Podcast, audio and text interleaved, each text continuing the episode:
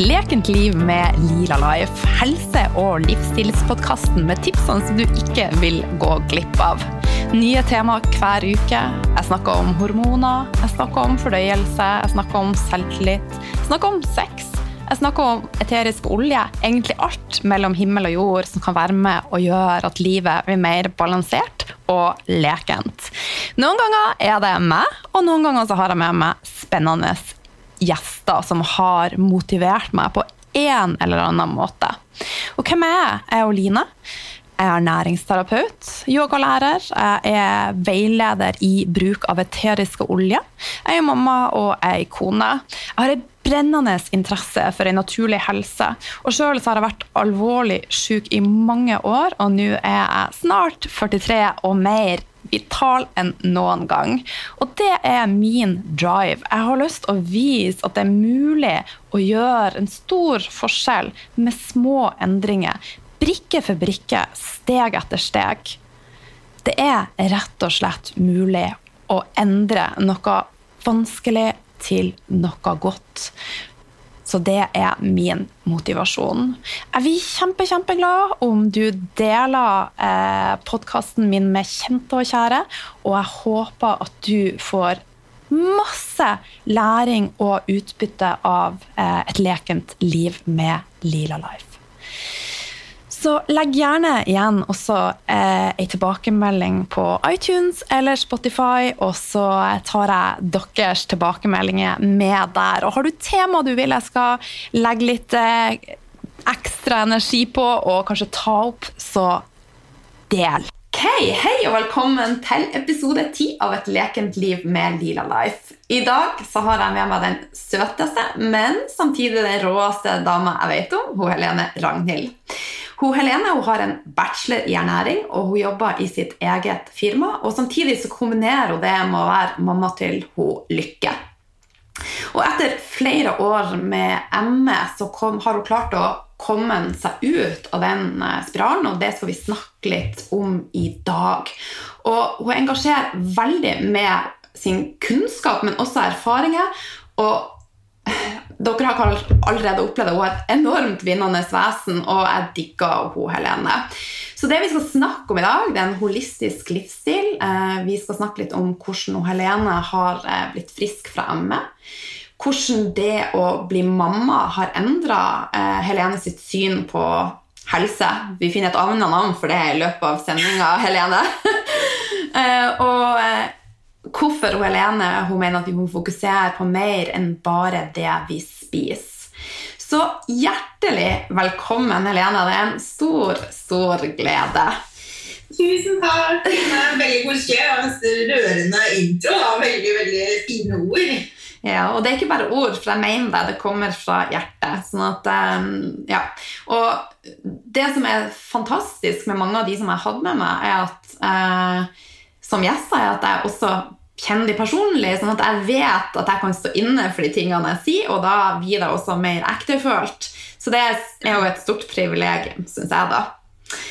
Yes! Eh, Helene, jeg har lyst aller først at du skal fortelle oss litt om din bakgrunn og hvem du er for noen, og sånn at vi kan bli litt kjent med deg. Ja, uh, ja, jeg bor i Oslo med min samboer og uh, vår datter Lykke og to små hunder. Og uh, så jobber jeg jo i Jeg er jo eneste ansatt i Helene Ragnhild AS. Ja. Så eh, det er, eh, jeg får lov til å jobbe fulltid med min lidenskap, som er ernæring, så det er jeg ekstremt takknemlig for. Det er eh, helt magisk. Ja. Og så jobber jeg 100 over nett, så jeg hjelper kvinner å finne et kosthold som fungerer for dem. Og jeg er jo opptatt av altså Jeg kaller jo kostholdet mitt for et glødende kosthold. At vi skal liksom gløde innenfra og ut og føle oss vel. Og skal liksom føle deg som den fresheste venninna i gjengen og, og, bare føle deg bra og vital og, og vakker. Ja. Og liksom at du har energi og magebalanse. Det blir sånn, alltid sånn lang oppramsing av ting, men det er jo fordi at hele kroppen henger jo sammen. Så nå har man den, så har man det, det andre også. Ja.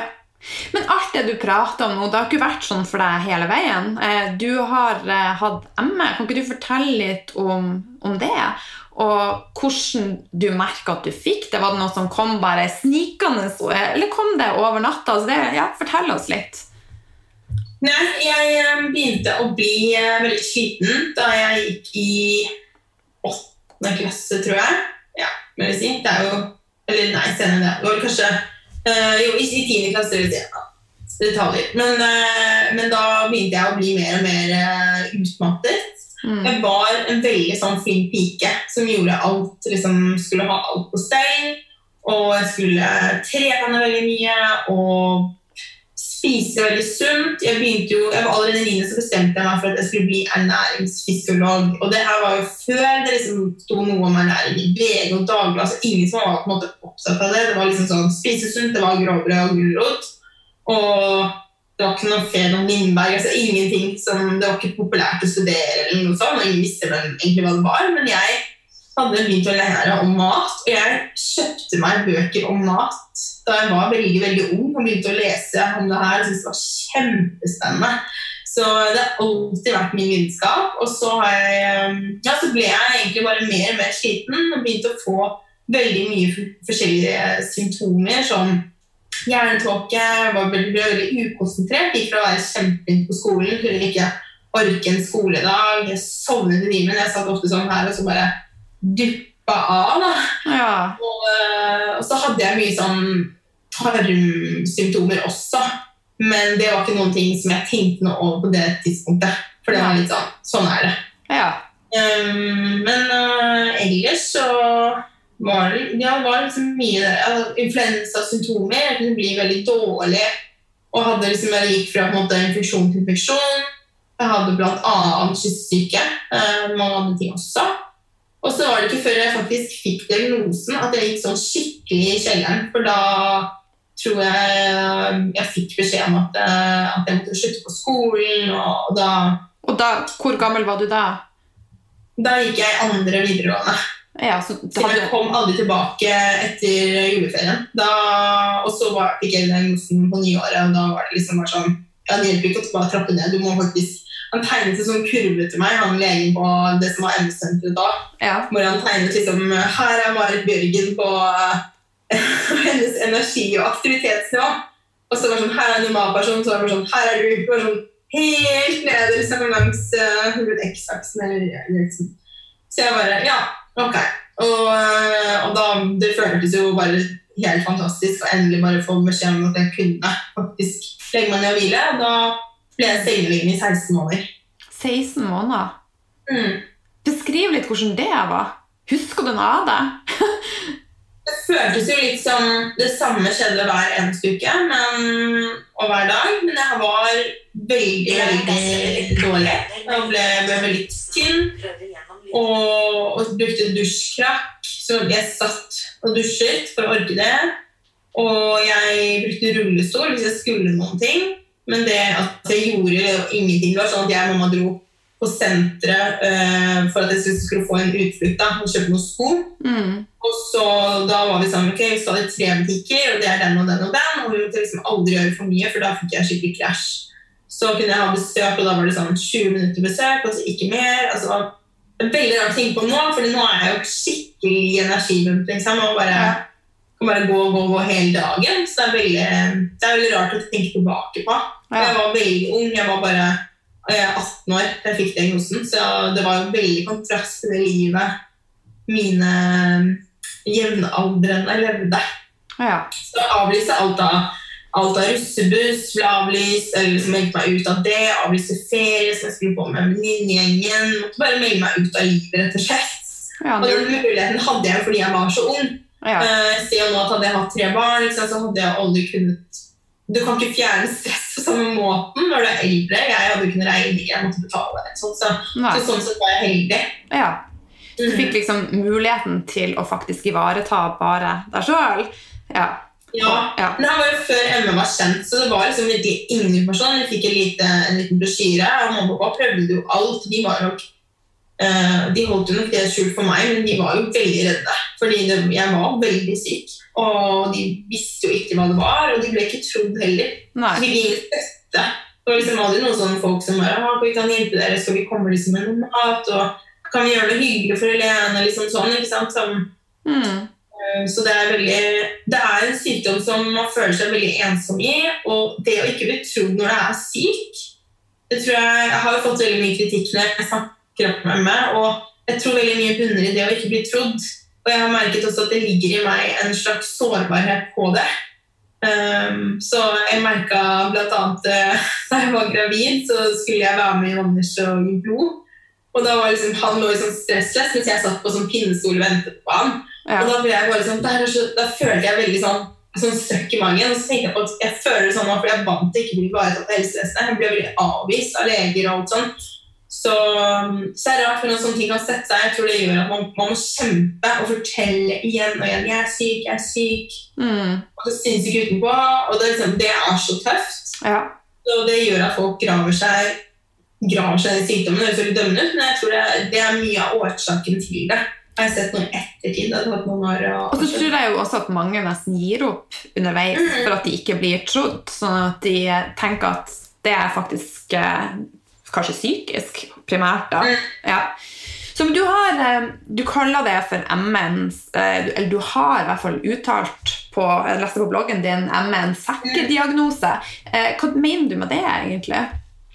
Nei, frem til nå så har vi jo ikke noen biomarkører. Det vil si at man kan ikke ta en test og bare ja, du har ME. Det er en liste av symptomer. Og Sekkediagnose er jo liksom, uttrykk som mange ikke liker, men det er akkurat det samme som IBS. Det betyr egentlig bare at du har ikke verken kreft eller en sånn kjent som vi vet er autoimmun sykdom, eller liksom sånn noe helt konkret. Og dermed så blir det sånn at du passer inn i denne eh, uheldige listen av symptomer som er ME. Ja. Og, og det gjør jo også at man blir veldig sånn Mange sier til meg sånn, sånn Jeg prøver å få ME-diagnose, og jeg blir sånn Ja, det er jo, jeg skjønner at man vil ha en diagnose, men det sier på en måte egentlig bare at noen ting er galt med deg. Vi vet jo ikke hva ME er, og mest sannsynlig så er det også forskjellige ting. Fordi at det er som i IBS, det er jo ikke én type tarm. Det er mange forskjellige som går inn i kategorien av IBS. ja. Så, så det er det det betyr. Ja. Du skrev også at uh, det her er henta fra bloggen din. da. Jeg trodde i mange år at dobbel nullyoghurt og blodslitt på gymmen var veien til drømmekroppen, men endte med en sliten kropp som holdt uh, på både vann og fett. Eh, så fortell litt om det, og hva du gjorde da for å faktisk bli frisk. Og så hvordan var reisa di? Hva endra du? Nei, da jeg var syk først, så fikk jeg jo beskjed om å kutte ut sukker, gluten og melk, og det gjorde jeg, og jeg ble eh, mye bedre. Og så levde jeg, da etter at jeg ble eh, frisk, så levde jeg helt, helt feil for helsen min. Og det var jo da jeg begynte med den type diett som beskriver veldig lav fett, veldig lav kalori. Jeg husker jeg kunne spise så flaut nå, men sånn hel boks, sånn der stor boks med hjorteyoghurt. Ja. Og jeg fikk så vondt i magen. Og så var jeg bare sånn, ja, det er bare 200 kalorier eller noe, og da kan jeg liksom spise det til et måltid. Altså, det er jo helt krise. Uh, jeg tror ikke jeg har liksom fortalt meg om det, for jeg syns fortsatt det er skikkelig drøyt at jeg holder på sånn, men det veldig sånn der, de klassiske rådene for å bli veldig tynn. Jeg var veldig tynn også. Og veldig sånn Ja, bare drikk mest mulig vann, for da blir du så mett. Og ja, du vet sånn Mest mulig sånn mat som bare er luft. da. Og jeg drev skikkelig sånn råkjør på kroppen min. Ja. Og det gjorde jo at jeg fikk et uh, tilbakefall. Så jeg har jo hatt det med diagnose to ganger. Helt ny runde med ny diagnose og alt sånt der. Og det var etter at jeg fikk den diagnosen at jeg virkelig ble sånn Nå må jeg ta tak i egen helse og jobbe med det. Ja. Så da begynte jeg å endre kostholdet etter hvert. Og, og bygget opp kroppen min skikkelig. Mm. Hvis det er noen trøst, så har jeg vært der jeg også og har spist mye lettprodukter i mitt liv. At jeg, jeg vet det var et mareritt for omgivelsene, og mamma var så fortvilt for at jeg ville bytte ut alt til lettprodukter. Og jeg er så glad for at faktisk at det med helse er dynamisk, at, at vi er åpne for at ting endrer seg. Eh, tenk hvis vi hadde sittet der med luft i magen og fjerter. Ja, så er jeg så glad for at jeg ikke delte på blogg og sånn da så mye av det. Det var jo først etter at jeg hadde liksom sett lyset at jeg begynte å blogge, og det er jeg glad for. fordi jeg føler at det meste av det jeg har lagt ut, er ting jeg kan stå inne for nå. Ja. Det har blitt noen år, så det er sikkert ting jeg liksom ville skrevet på en annen måte. det er absolutt, Men det er ikke sånn at jeg bare la ut sånn Sånn lager du en sånn luftkake av eggehvite og sukrinmelis og fiberhusk, liksom. Den er kjempegod, altså. Bare, men det var liksom, det var jo mye sånn fokus på det. Ja. Men, uh, ja, det blir litt annerledes nå, føler jeg. Ja. Men en av tingene du sier som har vært med å hjelpe deg, det er at du har spist et optimalt kosthold for deg. Så beskriv hva et optimalt kosthold, kosthold for Helene Ragnhild er. Jo, altså Jeg begynte å spise mer fett. Uh, og det var jo også veldig sånn revolusjon. Å gå på butikken og kjøpe smør. Og jeg liksom begynte å ha helle smør. Det var liksom, ikke sånn en liter, men liksom over grønnsaker og begynne å lage mat som faktisk smakte veldig godt. Mm. Uh, bruke, så Det var jo liksom den lavkarbobølgen. Og så etter det så begynte jeg å jobbe med tarmen. Og det var egentlig det som endret alt. Det å jobbe med at maten skulle være lett å ta opp, lett å fordøye. Uh, mer riktig mat. Ikke, ikke bare sunn mat. Det her er sunt fordi det er enten uh, altså, Hvis du f.eks. mye raw food, det har vært en trend, så har vært på det en periode. Ja. Litt også fordi jeg kuttet ut så mange matvarer. Tok sånn uh, test på hva jeg var allergisk, ikke allergisk mot, men jeg hadde Intolerante mot? mot ja, og da lyste den opp som et juletre. Og det gjør det jo når man har en tarm som er helt i ulage. Så vil du på en måte reagere på alt. Så det kommer jo opp sånn du reagerer på bøffelkjøtt. Liksom. Altså, det var jo litt bullshit, mener jeg. Mange av de testene er litt ja. ja. Så um, litt sånn penger ut av vinduet. Men, uh, men, jeg fikk i hvert fall et ark hvor det sto at jeg var intolerant mye, sånn at jeg kunne vise det til omverdenen. Så det var det som var, det var mest verdt, følte jeg. Det var ikke ja. Men da satt jeg igjen med veldig snevert kosthold, så det å begynne å spise kraft og begynte å fermentere mat Det var det faktisk en raw food-dame som lærte meg uh, via en bok. Sånn, uh, så det var liksom Disse tingene som går igjen i alle kosthold, synes jeg er veldig spennende. Ting som går igjen i raw food, i vegansk mat, altså, men også da i lavkarbo og paleo og det som liksom alle gjør, det er jo egentlig de hjørnesteinene av et sunt kosthold. Grønnsaker, masse, mm. masse fargerik mat, men også å tilberede den sånn at du faktisk klarer å fordøye den. Ja, Så du har egentlig henta litt fra forskjellige retninger og satt det sammen, så det blir optimalt for deg, da? Ja. ja. Mm. ja. Det vil jeg si at jeg også har gjort, og det er det som jeg eh, kaller erfaringsbasert kosthold. og Derfor jeg synes det er så vanskelig når man får et spørsmål kan du si hva jeg skal spise. Og det vet jeg at du også tenker mye på, at det er nesten så å si umulig å sette opp en kostplan som skal passe til alle. One sits don't fit all. Så det har noe med at vi er på forskjellige plasser. Så hva tenker du om det? Nei, Jeg har ikke kostplaner i kursene mine nettopp på den grunnen. Jeg lærer hvordan vi skal sette opp et kosthold på en dag, hvilke matvarer man skal velge over andre. Uh, kjører et oljeskifte på alle kundene mine vi å bytte ut fettsyrene de spiser. Um, og lære de om karbohydrater og hvilke karbohydrater er de beste kildene, og når på dagen man skal spise de, og hvordan man skal tilberede frø og korn og liksom mye mer sånne ting. Og så må man jobbe med mengdene om hvilken mat som passer best. For noen kan jo spise liksom, karbohydrater, det går på gener, det går på tarmflora, det går på aktivitetsnivå. Så der er vi forskjellige. Men uh, det å begynne å finne ut hva som passer for din kropp, det er veldig viktig. Og det er en jobb du bare kan gjøre selv uansett. Hvis du går til noen og sitter på en kontorstol Jeg jobbet jo på klinikk før, og da merket jeg veldig det at folk satt og hørte informasjon, og så var det liksom sånn ja, det var jo likevel Jeg kunne ikke kjenne hvordan maten føltes for dem. Nei.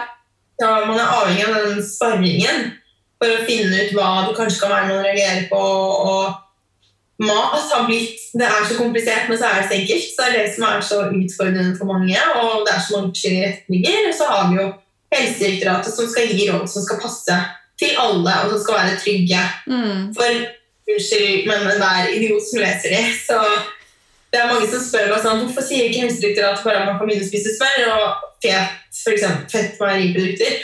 Og da sier jeg bare, fordi da hadde jo folk dyppet paprikapulver paprikapotetgull i uh, seterømmet. Det er ikke sånn at de hadde liksom laget seg bro uh, brokkoli og helt over litt smør.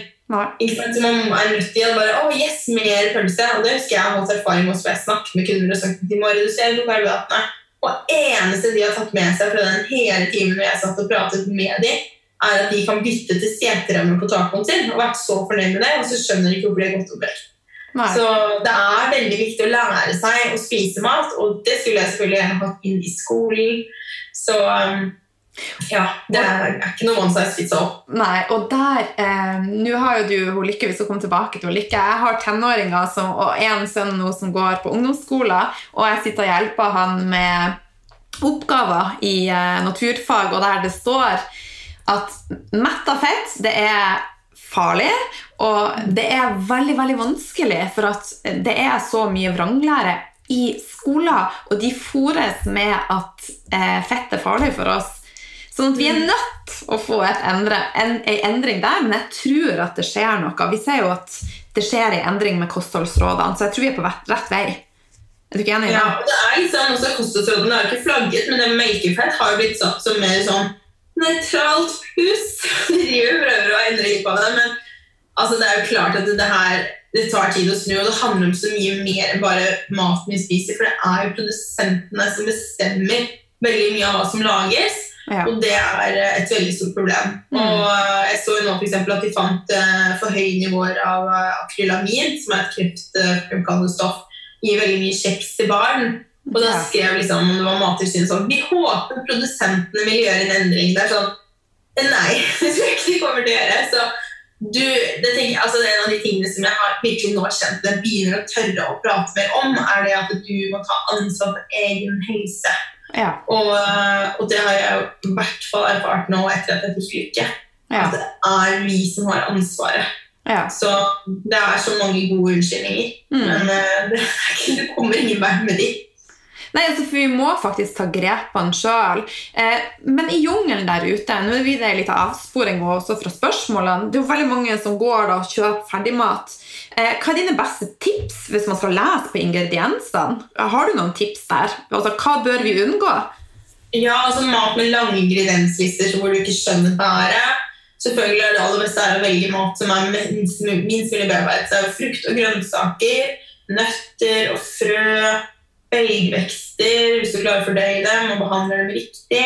Kjøtt og fisk og egg og eventuelt meieriprodukter. Og da velge alt det som er minst mulig bearbeidet. Og så kan du jo lage din egen da, fast food på veldig mange måter. Så og det er veldig viktig å huske på at ikke man skal la jeg sier det her til, til hver eneste spørretime nå i gruppa mi, så sier jeg ikke la det perfekte ødelegge det som er bra nok. Ikke liksom bli sånn å, hvis ikke jeg kan spise fermentert uh, supermat som er liksom velsignet av uh, nonner, så er det ikke bra nok, og da er det ikke vits, liksom. Og det er mange som er sånn, sier til meg at jeg, jeg har ikke kommet i gang med dette kostholdet, sånn. jeg bare blir sånn du må ta små grep. Da må du i hvert fall begynne å kjøpe uh, smør istedenfor margarin. Og så kan du bytte til olivenolje. Så kan du legge til litt mer grønnsaker i middagen din. Eller starte med en eh, smoothie til frokost som inneholder riktige byggeklosser. Altså, det er Begynn ett sted. Ikke sitt og liksom være sånn Å, det jeg skal gjøre det neste år, da blir det en bedre tid. Det blir aldri en bedre tid å spise bra. Nei. Så um, ja, det er altfor mange unnskyldninger. eh, og vi, vi setter det altfor langt bort fra oss selv. Mm. Og så er det jo noe at altså, Fermentering er jo fantastisk bra, men det er kanskje ikke for alle å komme i gang med det. Og da har vi jo prebiotisk mat. Altså mat som faktisk gjør at våre egne bakterier fermenterer. Mm, Ja. Det er kjempeviktig. Og, og det vil være uvant eksempel å spise mer grønnsaker i starten når tarmen ikke er vant til det. Men det er jo ikke farlig. Så det, sånn, sånn, det å spise sånn som jeg lager linsesuppe med kraft og sånn, den kaller vi jo natt rumpesuppe. Og det er liksom sånn jeg bare Ja, det kommer seg etter hvert. Men så sniker inn sånne småting, da. For eksempel som å bløtlegge havregrøten. Og så eh, Du kan alltid ta det et steg videre, sånn som jeg tar en liten teskje med surdeigstarter. Fordi jeg har det, så bruker jeg det i havregrøten. Ja. Sånn at jeg faktisk syrner og fermenterer det kornet. Og da liksom sier jeg ikke noe til han om det. For da får han en gang sånn Nei, æsj, fermentert vil jeg ikke ha.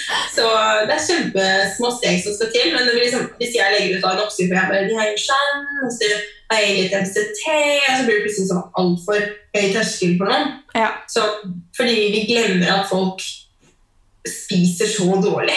Mm. Det, jeg blir veldig overrasket noen ganger når kundene mine forteller hva de spiser til frokost. så er jeg bare sånn Det der vet jo at det er helt krise for kroppen din å spise. Ja. Og særlig startedagene. Men det er liksom, ja, man gjør det likevel, selv om man vet at det ikke er bra for deg. Mm. Og da er trikset at vi må starte en plass. Og du ga jo ganske gode, konkrete tips. Så jeg tror vi avslutter med det. Og så har jeg lyst til å pense over på en litt holistisk livsstil. Altså, Kosthold er én ting, men du sier at det ikke bare er det som teller. Hva mener du med det? Nei, altså jeg ser at Hvis man blir veldig fanatisk på kostholdet og bare spiser alt riktig, men det gjør at du da ikke føler at du kan være sammen med venner, du føler at du ikke kan være fleksibel, eh, du blir mer opptatt av at kostholdet ditt er perfekt enn noe annet, så har jeg også innsett at det, det er ikke det eneste som har betydning for kroppen. Og sånn var det også for meg. Jeg måtte jobbe mentalt for å komme ut av ME.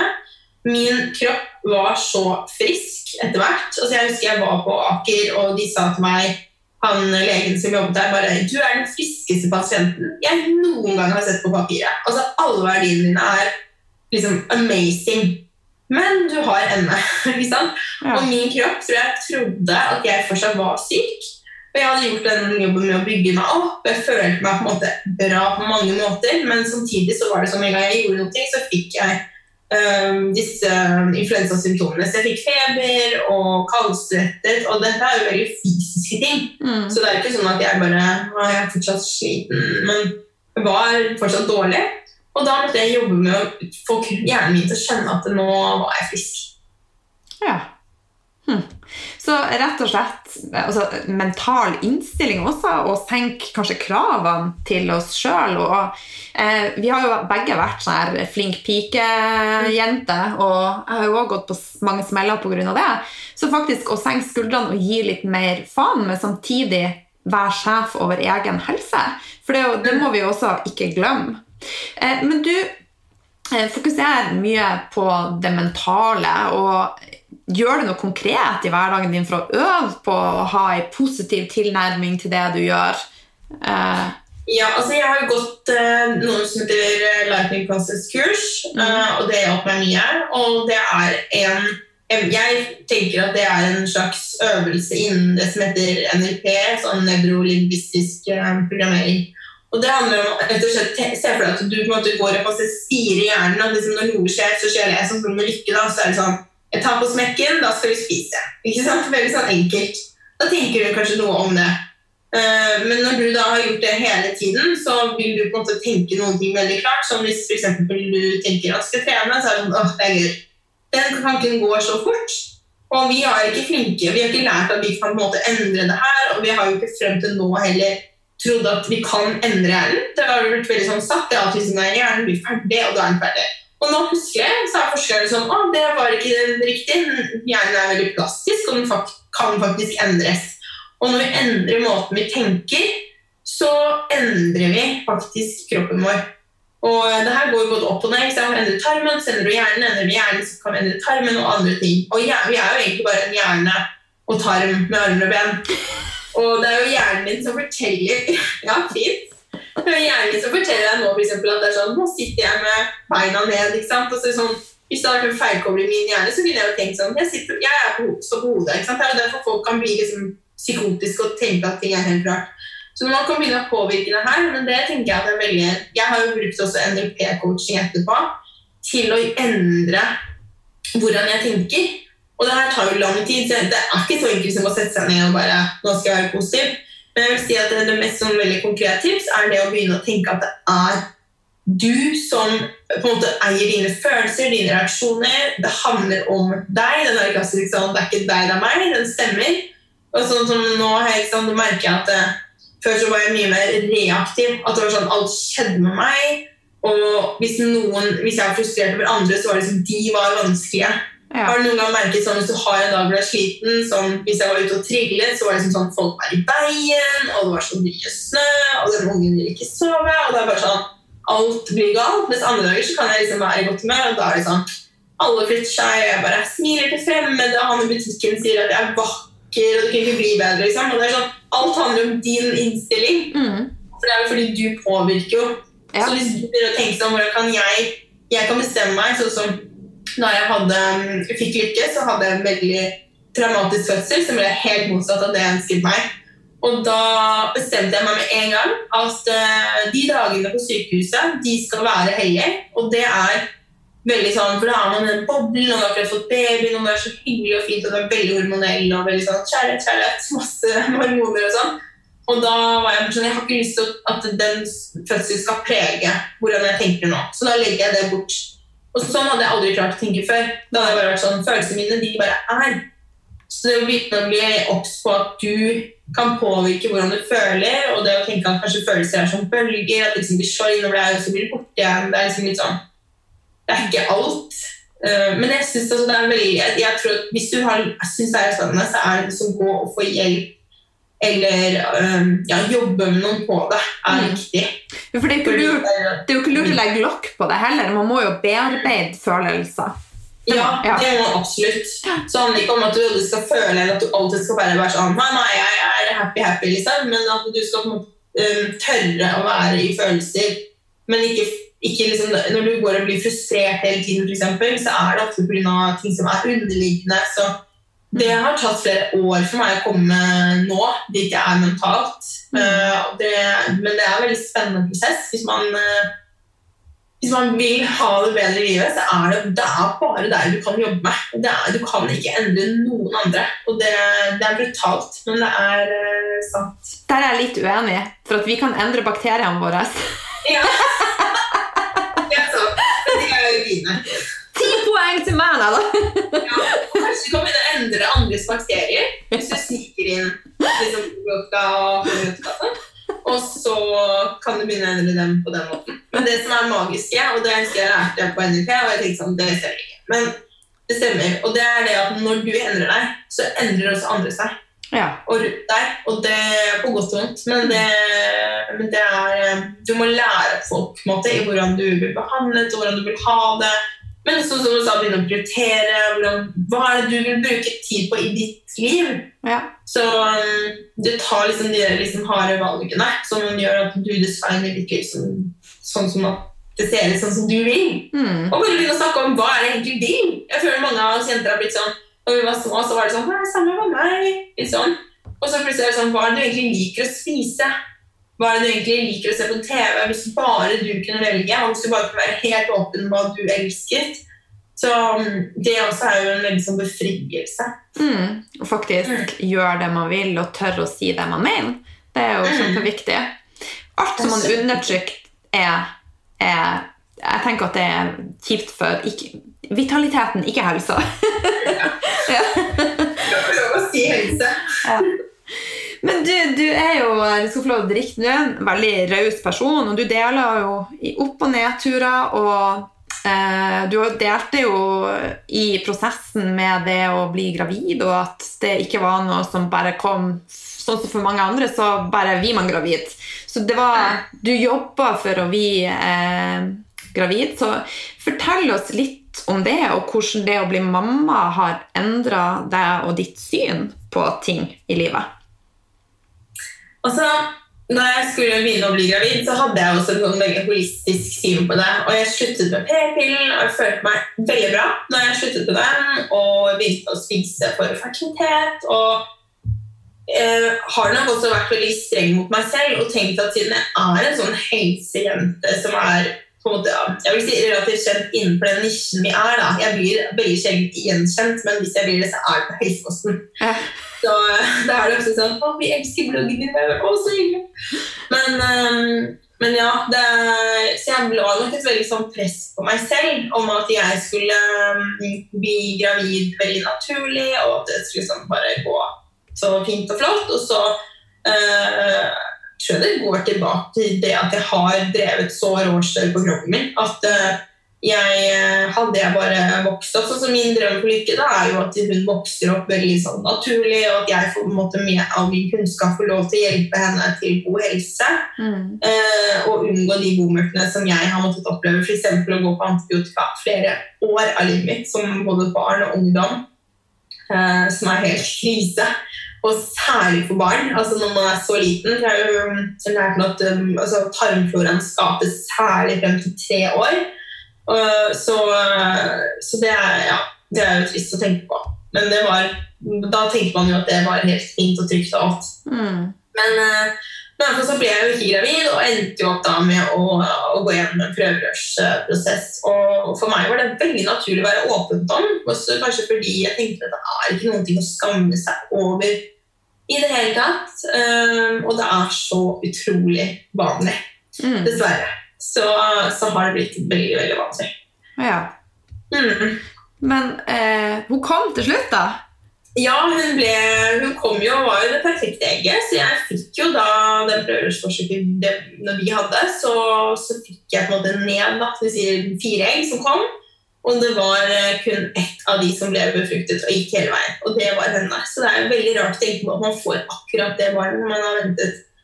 Alt er jo relativt, det er jo veldig mange som prøver veldig, veldig mye lenger enn det vi gjorde, men, eh, men som kom til slutt, og som er så innmari etterlengtet. Mm. Så, så da ble jeg gravid og var eh, Hadde veldig mye sånn forventninger til hvordan jeg skulle være i graviditeten. Og så var jeg veldig kvalm, og så hadde jeg aversjoner på alt sunt. Og det var så slitsomt. Jeg klarte ikke tanken på salat, suppe, smoothie, alle disse s-ene som jeg er så glad i.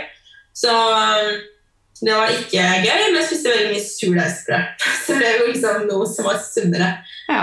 Og så, og så kom hun jo da med på måte, til slutt da, denne fødselen som bare var så utrolig sånn medisinsk og sykehus som man kunne tenke seg. Så, og det har lært meg veldig mye øh, over til det at øh, vi kan ikke kontrollere alt, og det er så viktig å jeg tror, gi slipp. Og jeg tror, at, jeg tror litt sånne ting, at jeg skulle lære noen ting av denne prosessen. Og det har virkelig endret meg å se Mm. Ehm, og liksom, ja, gå gjennom det. Og det der presset jeg har på meg selv om at jeg skal være så innmari perfekt. at det er nesten sånn Hvis jeg har en krise bak, så har jeg nesten ikke lyst til å gå live. fordi da tenker folk sånn Herregud, har ikke du snakka om at du, man får fin hud av å spise sunt? Ja. Jeg ser at du har en krise. at jeg liksom føler at jeg må være perfekt. Selv om jeg snakker mye om at jeg ikke må være det, så, så tør jeg ikke helt å vise mine uperfekte sider. Og det er noe som jeg jobber med også fordi jeg har fått så innmari sånn sterk sånn magefølelse på at jeg vil jo være hennes forbilde. Å være en bra person eh, nå som jeg oppdrar en annen person, det er jo noe som er et veldig stort ansvar. Mm. Så, eh, Som er større enn oss. Ja. Mm. Ja. ja, det er noe som er større enn oss sjøl. Ja, nettopp. Og det er veldig deilig å få, det, få litt mindre fokus på bare meg selv. Og syns jeg var veldig deilig med å få barn. Ja.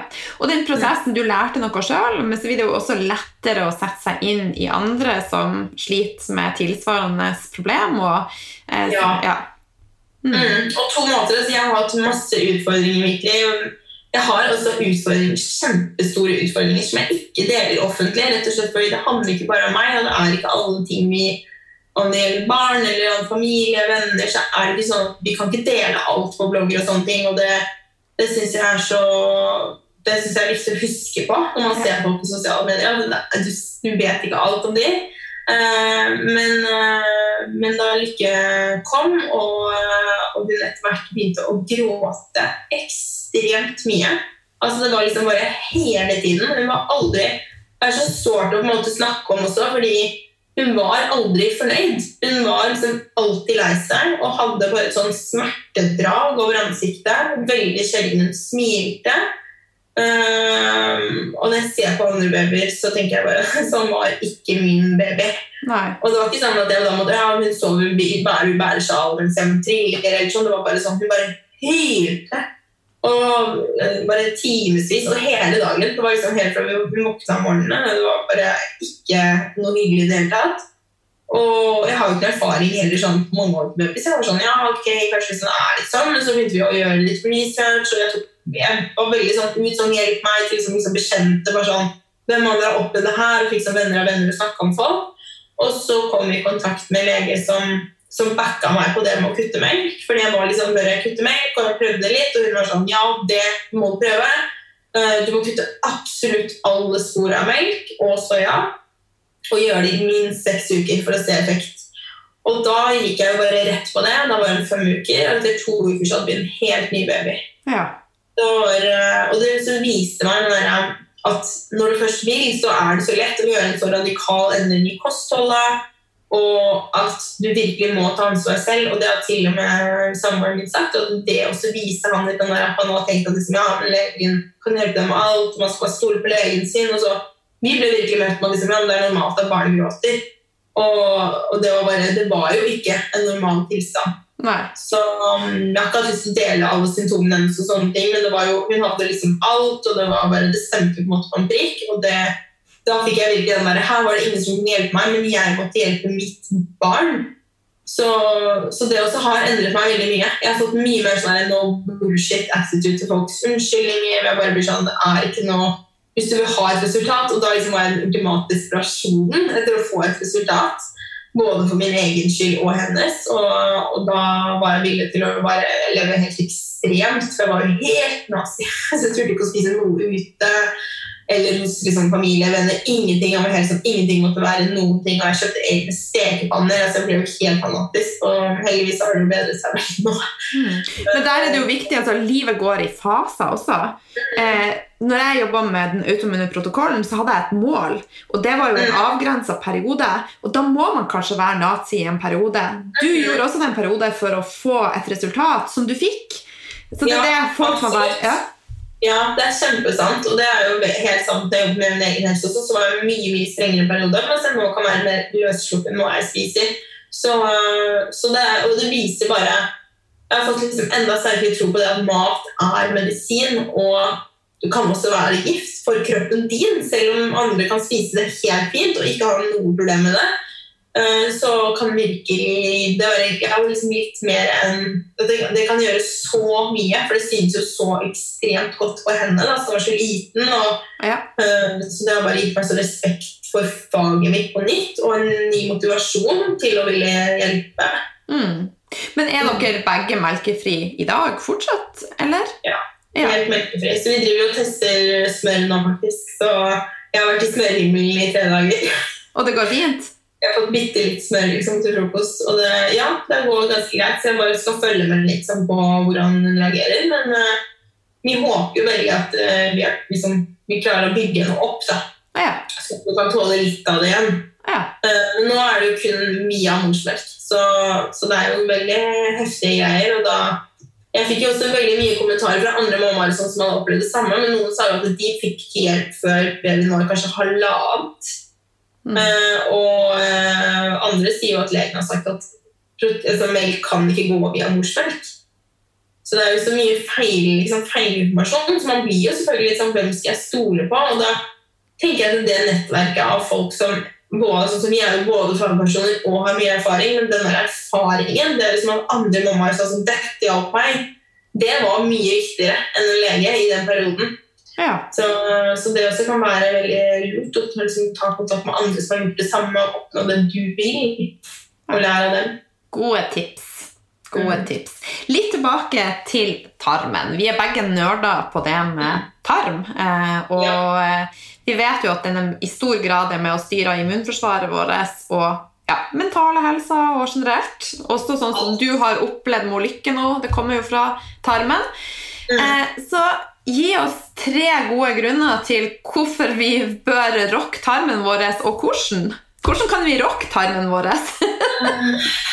altså, hvorfor er jo fordi tarmen gjør så utrolig mye. Den tar opp næring. Så du er jo ikke hva du spiser, men du er hva du fordøyer. Og det er kjempeviktig å huske på. Så uansett Hvis du spiser en drøss med supermatpulver og kun sunne ting, så vil ikke du ta opp det hvis tarmen din er i ubalanse. Så det er Eh, er jo veldig viktig. Motivasjon tenker jeg, å få tatt opp næring. Uh, og så er det vel En annen grunn er jo at tarmen påvirker som du sier, hjernen. Hva du tenker, hva du craver, hva slags humør. Altså, jeg blir ikke overrasket om det liksom, typ, påvirker, altså det påvirker hormoner, så kanskje det påvirker hva slags mann du blir tiltrukket av. Altså det er liksom Alt da blir påvirket av tarm, og det knyttes til så mye. Så um, det er kjempeviktig å ha tarmen i balanse. Jeg merker jo at når jeg spiser bra, så føler jeg meg også mye klarere i toppen. Og jeg tror jeg føler at det tar bedre det er en magefølelse du snakker om. Jeg har gått og venta på en sånn avgjørelse i dag i hele dag, og det har kjent det så i magen. Og bare, ja, Det der kjenner sikkert alle igjen. Sommerfugl i magen, eller man blir dårlig i magen hvis man er skikkelig nervøs. Eller når jeg opplevde noe traumatisk, så blir jeg mista matlysten. Mm. Så det her er så, det henger så tett psykisk, og det er jo kjempeviktig. Mm. Tarmen er veldig viktig også for huden, for å ha fin hud. Fordi um, er veldig nært knyttet. Når man ikke får toksiner, gamle hormoner, alt sånne avfallsstoffer, så, så, er det mange som opplever å få dårlig hud. Så, så det er jo veldig motiverende for mange. Mm. Så, så, jeg kunne sikkert uh, fortalt dere at det er mange grunner til å få vare på tarmen. Ja.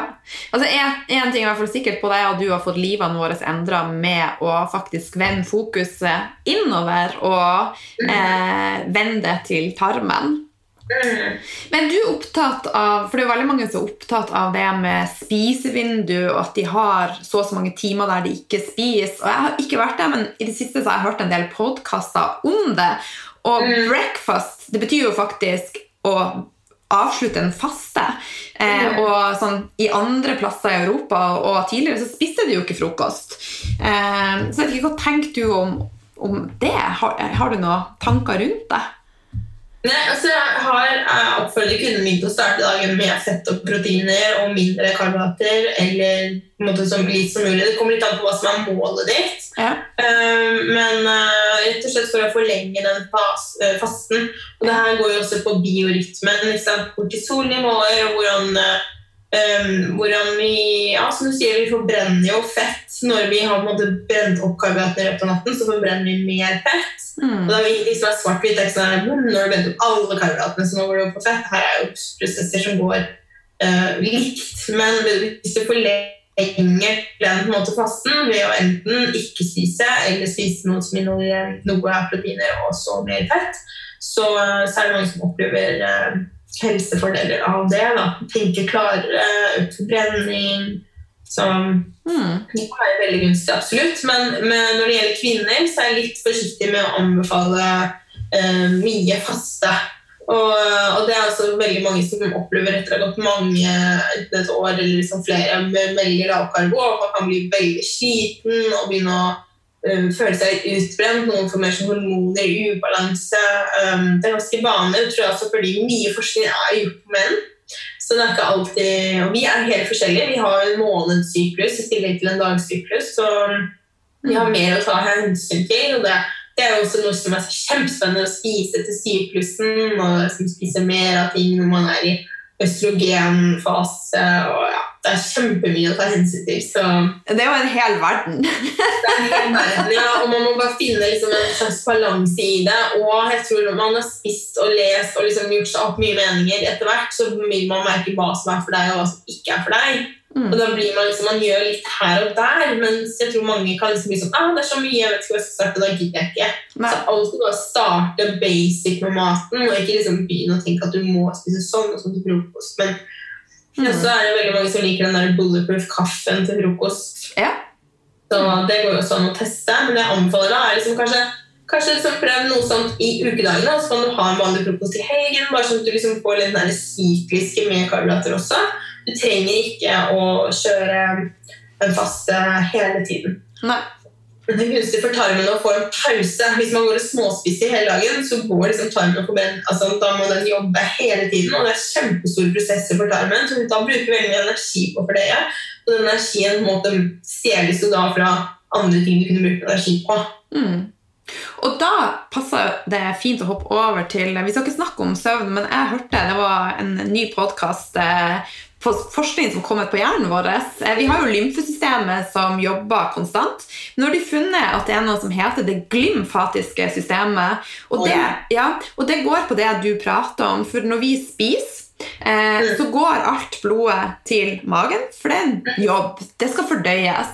Så hvis vi spiser for tett opp mot sovetid, så får ikke hjernen gjort det som den skal, for den renser seg sjøl på natta, og den krymper faktisk så mye som 20% og da er det det som heter det glymfatiske systemet som jobber. Og hvis vi spiser, så får vi ikke, vi får ikke komme i den prosessen på samme måten. Så eh, det var noe som jeg lærte, for jeg elsker å spise rett før jeg legger meg, men jeg merker jo at det påvirker søvnen min. Hva gjør du på, spiser du på kveldene? Nei, altså Jeg prøver ikke å spise så mye på kvelden. Det, det igjen så er det sånn, Hvis det på en måte ikke passer seg sånn, da, sånn Jeg liker heller ikke egentlig å trene på kvelden. Jeg prøver å finne ut ikke være på sosiale medier. Men det er litt sånn hva man får til. ikke sant? Med, man må, ja, må liksom sette en grense. Se om det går an å være bevisst på det, men jeg prøver å ikke spise for tett opp til at jeg skal sove. Ja. Det som var anbefalt her, det var to-tre timer før eh, soving. Ja, ja, ja, og det har jo på en måte vært anbefalt lenge også. så Det er jo det, er jo det jeg anbefaler. Og så er det litt sånn, hvis det ikke skjer en dag fordi man er sulten, så går det også fint. For det å legge seg når man er veldig sulten, da sover man også ofte litt dårlig. Ja. Så det kan være litt sånn ok, noen dager så gikk det ikke helt sånn som man hadde planlagt, så ble det sånn. Og det går fint. Ja. Og da starta vi med blanke ark igjen dagen etter. Mm. Ja. Ok, hvis det er tre ting som du ikke klarer deg uten i hverdagen din, uten da selvfølgelig Jonna og Lykke, de får du ikke lov å ta med, hva vil det være? Oi. Altså, det er jo å spise næringsrik mat. Det har liksom vært uh, alfa og omega for meg. Jeg vet hvor jeg skulle klart så å, ha, å, ha så mye energi. Jeg har at jeg har sovet så lite, og jeg tør nesten ikke si det høyt. Jeg har ikke sovet nå i siste måned har det blitt bedre, men før det aldri mer enn tre timer i strekk uh, før jeg ble vekket. Og det er jo helt tortur. Jeg skjønner ikke at det har gått. Og så hadde jeg lange perioder hvor jeg sto opp klokka fire hver dag. Og det med mat har virkelig hjulpet meg i den prosessen, så det er jeg helt avhengig av. Eh, og så er jeg veldig veldig glad i podcast. Altså, jeg har hørt på podkaster siden jeg tror helt siden egentlig det kom. Men i hvert fall, jeg tror jeg begynte med det for å si fem år siden. Og hører masse. Og det har jeg lært veldig mye. Uh, fordi at jeg har på en måte brukt det til å sammenligne ting jeg har lest. Det er liksom sånn der, det er sånn der vegg hvis man liksom er en kriminalfilm, så trekker man sånn tråder. Er liksom, jeg har lært at det blir sånn ja, og han sa det, ja, det falt ikke helt liksom i gode ord hos meg. da, det ferdig ikke det vært Men det er sånn, å, alle de her sier det samme om det. Og da liksom, ok, jeg leser litt forskning også. Det har liksom virkelig hjulpet meg. Så det gjorde jeg så veldig mye når jeg studerte, og syntes at det var kjempenyttig. Ja. Uh, og har gjort at jeg liksom også har fått sett liksom, hvordan ting har endret seg nå i løpet av folk var veldig på paleo. Og liksom, sånn var det, og så begynte vi kanskje å spise litt mer korn, og også liksom, men behandla det riktig. og så Mm. liksom, nå er vi mye mer sånn at man skal kjenne til selv hva som funker, og så er det mye fokus på tarm og hormoner og ja. Mm. Så det synes jeg det er veldig avhengig av. Og, og så er jeg veldig avhengig av det å fokusere i hverdagen min på alt mulig som gir meg glede. Og det er sånn veldig mye små ting, og det prøver jeg å være flink til å dele, men jeg har sånne små kort som jeg kan liksom trekke hvor det står uh, Jonas sin favorittkort er uh, 'Less bitter, more glitter'. altså, han bare Oh my god.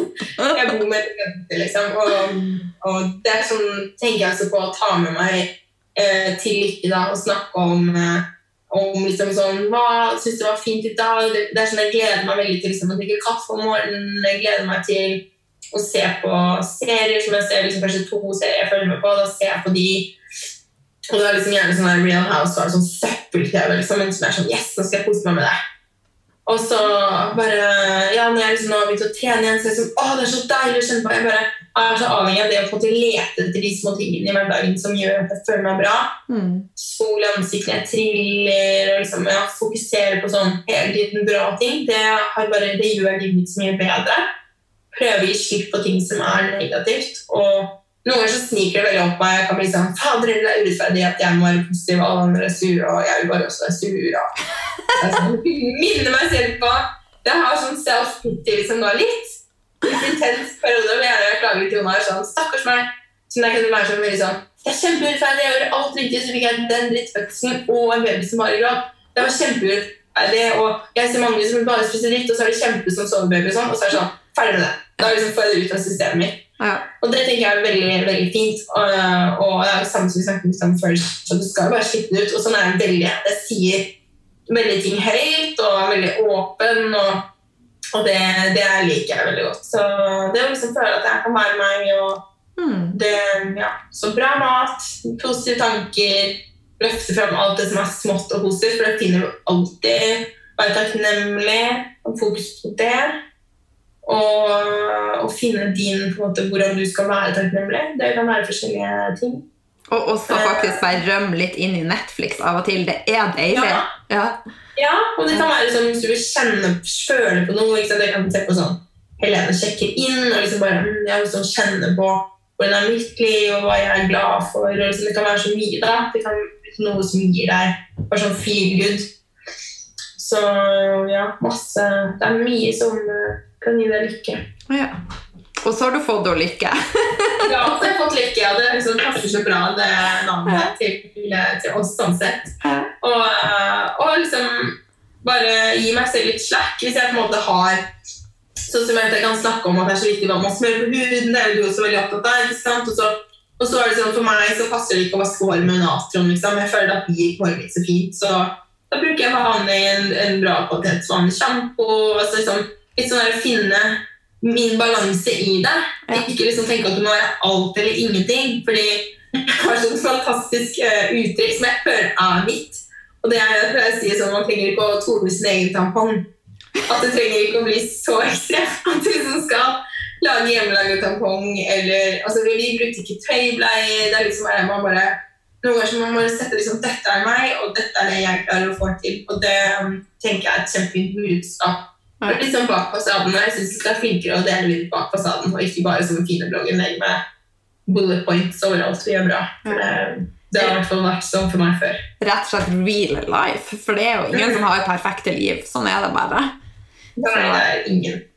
Men du, eh, nå begynner vi å nærme oss eh, slutten her. Eh, vi et, et spørsmål til. Tre eteriske oljer hvis du skulle reise til ei øde øy, hvordan hadde du tatt med deg da?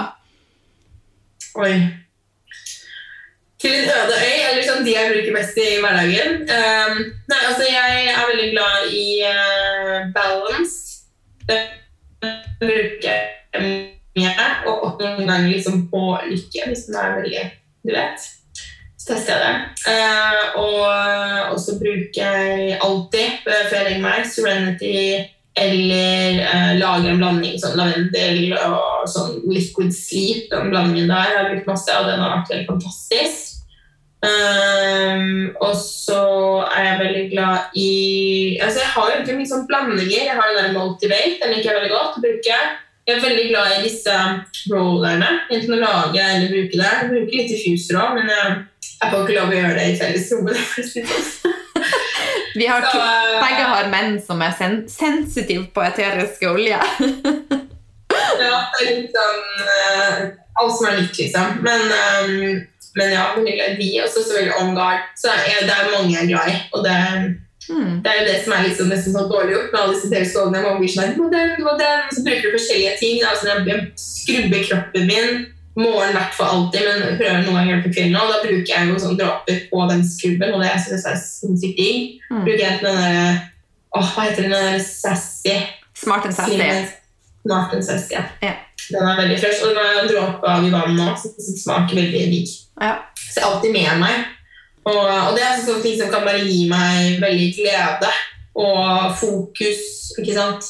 Mm. Så, eh, så det er sånn jeg bruker mye i hverdagen. Å ha fine ting rundt meg, ja, kjenne lys. ja. Koselig. Mm. Ok, Helt avslutningsvis, fortell meg hva som skal til. Du har jo gjort det egentlig, hva som skal til for at livet ditt er lekent. Du har prata mye om det. Eh, Så du kan fortelle oss bare litt om det, og hvem som inspirerer deg i hverdagen din. For det er jo viktig å bli inspirert av noen. Mm.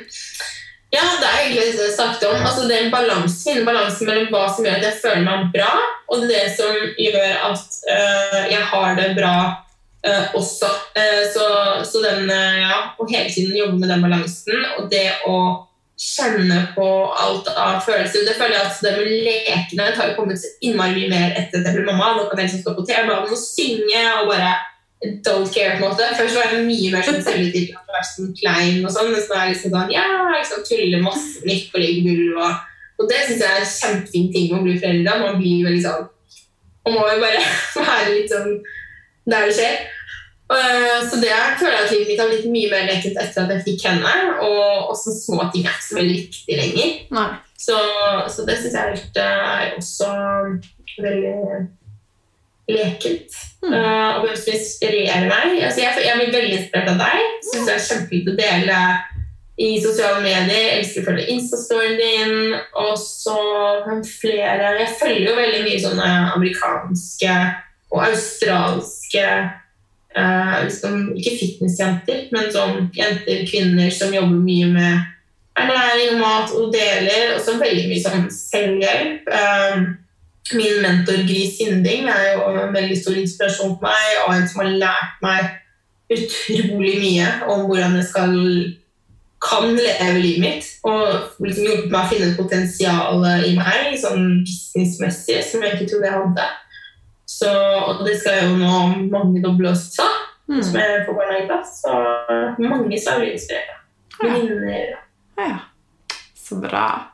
Og du inspirerer mange, det vet jeg, og jeg blir inspirert av deg. Så tusen takk for at du hadde lyst å være med på podkasten. Det setter jeg veldig stor pris på. Og så har jeg en følelse på at du kommer tilbake, og at vi kommer til å finspisse temaet. Eh, for du har jo så mye å bidra med, så jeg gleder meg til å ha deg med hvis du har lyst. Selvfølgelig. Ja. Så tusen takk, eh, Helene Ragnhild. Og jeg er veldig glad for eh, alle tilbakemeldinger og alle delinger via iTunes og Spotify. Så takk for i dag. ok, for dere som er med live eh, Nå har vi jo ikke Det er en litt sånn uvant situasjon å ikke sjekke inn med Facebook underveis. Det er ikke for å overse dere, men Vi ser om, har, om det er kommet eh, Hvordan gjør du det, Helene? Kanskje jeg må refreshe sida nå? Ja. Jeg kan eventuelt gå inn selv på Face og se. Ja.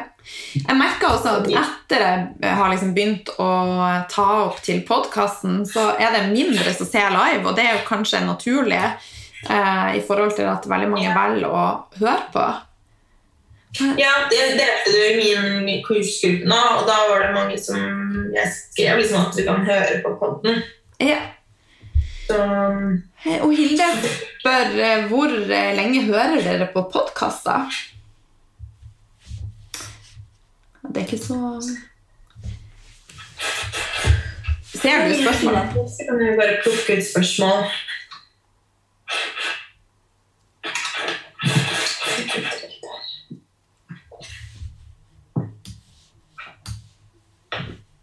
Skal vi se Så tror jeg jo også at hun, hun godeste Victoria har svart underveis. Men sjøl er jeg i hvert fall eh, veldig opptatt av å ikke se for mye og høre for mye rett før jeg legger meg. Men jeg leser gjerne et eller annet, for det en eller annen plass har jeg fanga opp at uh, uh, det som du leser rett før du legger deg, det setter seg også godt i hjernen din. Jeg vet ikke om du har fått ja. Ja, sånn, ja. Ja. ja. Sorry. Det går helt selv. Eh, nei, ja, det Altså, det er liksom også sånn bare Først pleide jeg å legge meg i sengen og se på serie uh, før jeg la meg. Så ligge da, Men jeg har sånn F-lux på uh, Mac-en, sånn at hvert lyset er liksom gult. Men eh, det er jo selvfølgelig ikke bra. Og jeg er veldig obs på det der med å gå inn rett på morgenen og begynne å scrolle på Insta, fordi at jeg går rett inn i sånn sammenligning. For det er så mange sånne Insta-babes som bare er sånn Enten så tenker jeg på det, og folk liksom har sånn alt put together, og så er det sånn Jeg orker ikke å stå og style et bilde som skal være helt sånn perfekt for Insta. Jeg bare har bilde av mat, har bilde av meg, liksom, og så tenker jeg ok.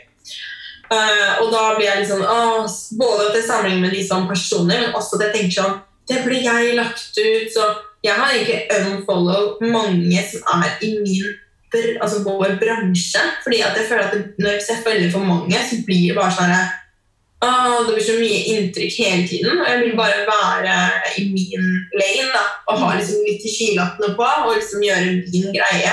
Mm. Så, så det er et kult tips å ikke starte dagen med å gå litt i en seg, men også sammen når du legger deg, at du er bevisst på hva du hører på. Men uh, jeg kan gjerne gjerne høre på lydbok og sånn når jeg legger meg.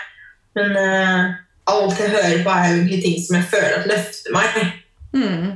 Så, eller som jeg syns er ålreit. Jeg vil liksom ikke Jeg begynte å høre på for eksempel den der podkasten som er sånn der Krimpodden eller noe. Og jeg bare Åh, nei, nei, nei, det var ikke hyggelig. Det var bare sånn skikkelig sånn fæle seriemordere. Som bare Den er kjempespennende. Og så fikk jeg sånn Nei, nei, liksom, det, var bare, det vekker jo masse sånn fæle reaksjoner. Og særlig da etter at jeg ble mamma, så har jeg blitt mye mer sart og sånt. Ja. Så jeg kan jo ikke se på skumle ting på TV eller sånn fæle ting. Eller liksom, jeg kan nesten ikke se på nyheter eller Jeg orker ikke. Nei. Nei, jeg, Nå leser jeg jo boka til Petter Stordalen for andre gang, og han sier Jeg, jeg ser mye filmer, men Mm. guess what? Jeg ser bare filmer med happy ending. Så det er noe med det hva vi faktisk fôrer oss sjøl, og hva vi tar inn over oss, at vi må være litt bevisst der. Men jeg har en mann som bare vil se sånn type Broen og Tunnelen og drap og narkos og Så jeg tror jeg må få meg et eget TV hvis jeg skal se noe. det kan være, Jeg elsker å se på sånn krim, egentlig, men, eh, men eh, ja. Det er liksom jeg vet ikke, det er kanskje noe som har endret seg. Men liksom, det er jo en balanse i det også. Nå ser jeg mye mindre på TV enn før, faktisk. Og da er det også liksom Da, da må det være mindre av det òg. Mm. Så det må være mer positive ting. Så jeg liker for liker å se på sånn En kveld hos Kloppen og sånn. Det er sånn bare, Folk forteller fra sitt liv, og veldig ofte sånn Dette er ting jeg har stått i, så blir man sånn wow, man hører hva andre folk har opplevd. Mm. Og likevel fått til så mye. Ja, og det er jo liksom før sosiale medier, så det er liksom ikke sånn at jeg har snakka om det. Så blir man bare sånn Oi, det er jo helt utrolig hva folk får til. Mm. Så det er kjempespennende. Og også det som vi toucha innom i podkasten, alle har vi en historie som vi ikke deler. Sånn at vi Mm. må være rause og respektfulle med hverandre og løfte hverandre istedenfor å være bitchy og ha spisse albuer. Det er altfor mye av det. Altfor mye dømming, altfor mye jante. Rett og slett bare være snill. Ja, og det kommer jo mye fra frykt. Mm. Som vi snakket om når vi snakket på telefonen i går. At mange er jo fryktbaserte.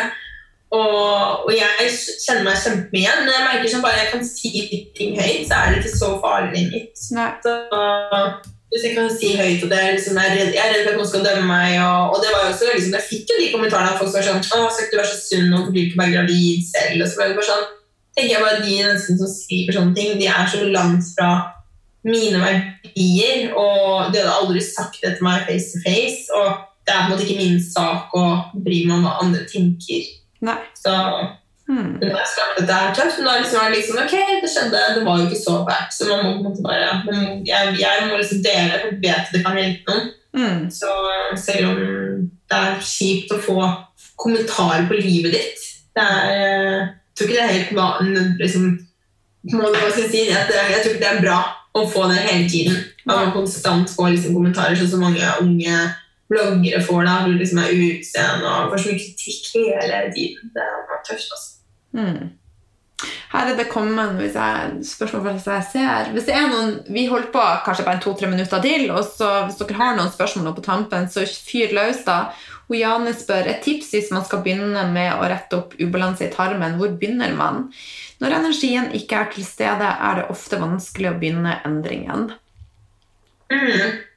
Ja, det er utfordrende når, du ikke har energi å, å begynne å endre. Men uh, jo mer man får inn gode vaner, jo mer energi vil du få. Så det er uh, Og så tenker jeg så uh, Hvis man er uh, sykemeldt og liksom det er sånn, du, ja, Hvis du har fokus på målet og liksom klart hvorfor, hvorfor du skal gjøre det her, om det er for din skyld altså ikke bruk så mye unnskyldninger, fordi vi har alle ting som vi snakket om, vi har alle ting som gjør at det er mer utfordrende. Så er det tid, eller så er det energi. Og, og det her, jeg alltid si men jeg sier det i kjærlighet, ikke for å være dømmende, bare fordi jeg har så mange gode unnskyldninger selv, og må være streng med meg selv på det at eh, det skal ikke stoppe meg fra å ta gode valg. Men eh, et helt konkret tips vil være også spise mer, mer fett for å få stabilisert liksom, det du spiser, sånn at du ikke får så mye uh, altså Det er jo karbohydratene også man reagerer på i maten.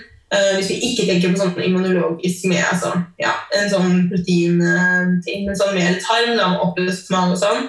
Uh, se helt klart på hva du spiser. Er det mye kunstig søtning? Drikker du noe sånn um, Pepsi Max, ting som gir liksom automatisk måte, luft i magen? Da. Ting som uansett alle får luft i magen av. Kanskje fjerne uh, altså Spise mer varmebehandlede grønnsaker. Spise mye grønnsaker. Så Lag supper, uh, eller prøv å lage smoothie hvor du i hvert fall finkutter maten når du blender. Det vil hjelpe. Uh, tygge maten ordentlig det er veldig mange forskjellige ting du kan gjøre, men, uh, men dette er liksom ting som er sånn veldig enkelt å gjøre. Sånn det krever ikke så mye energi å på en måte spise en annen frokost, altså lage en frokost. Så det, ja, der ville jeg startet. Hmm. Og en type enkel frokost altså Ta en avokado og noen skinkeskiver, så har du et balansert måltid. Det trenger ikke å være vanskeligere enn det å strø litt salt over. Så har du fettsyrene du har, og du du får proteinene. Ja. ja kjempeenkelt. Mm. Topp. Mm. Yes, men jeg tror jeg vi avslutter med det, og så eh, kommer denne episoden neste uke på podkasten. Jeg må holde tilbake det som er bra. sånn at dere har noe å glede dere til. Og når jeg får eh, litt sånn hangups på podkaster, så hører jeg gjerne episodene to og tre ganger. Og jeg har på følelsen at dere kommer til å få hangups på Helene. ja, det, det, er jeg ganske overbevist på. Så, eh, og de takker for svar og takker for sending. Jeg ser nå at uh, det er en del kommentarer her, men jeg går inn og svarer. Jeg vet hvor Victoria har svart, sånn at uh, det blir bra. Ja. Yes. Så tusen eh, takk, eh, Helene, for at du var med oss. Selvfølgelig. Veldig koselig. Ja. Og så snakkes vi både på Facebook, og jeg og du snakkes, Helene, plutselig. Det gjør vi. Ja. Ha det. Ha det.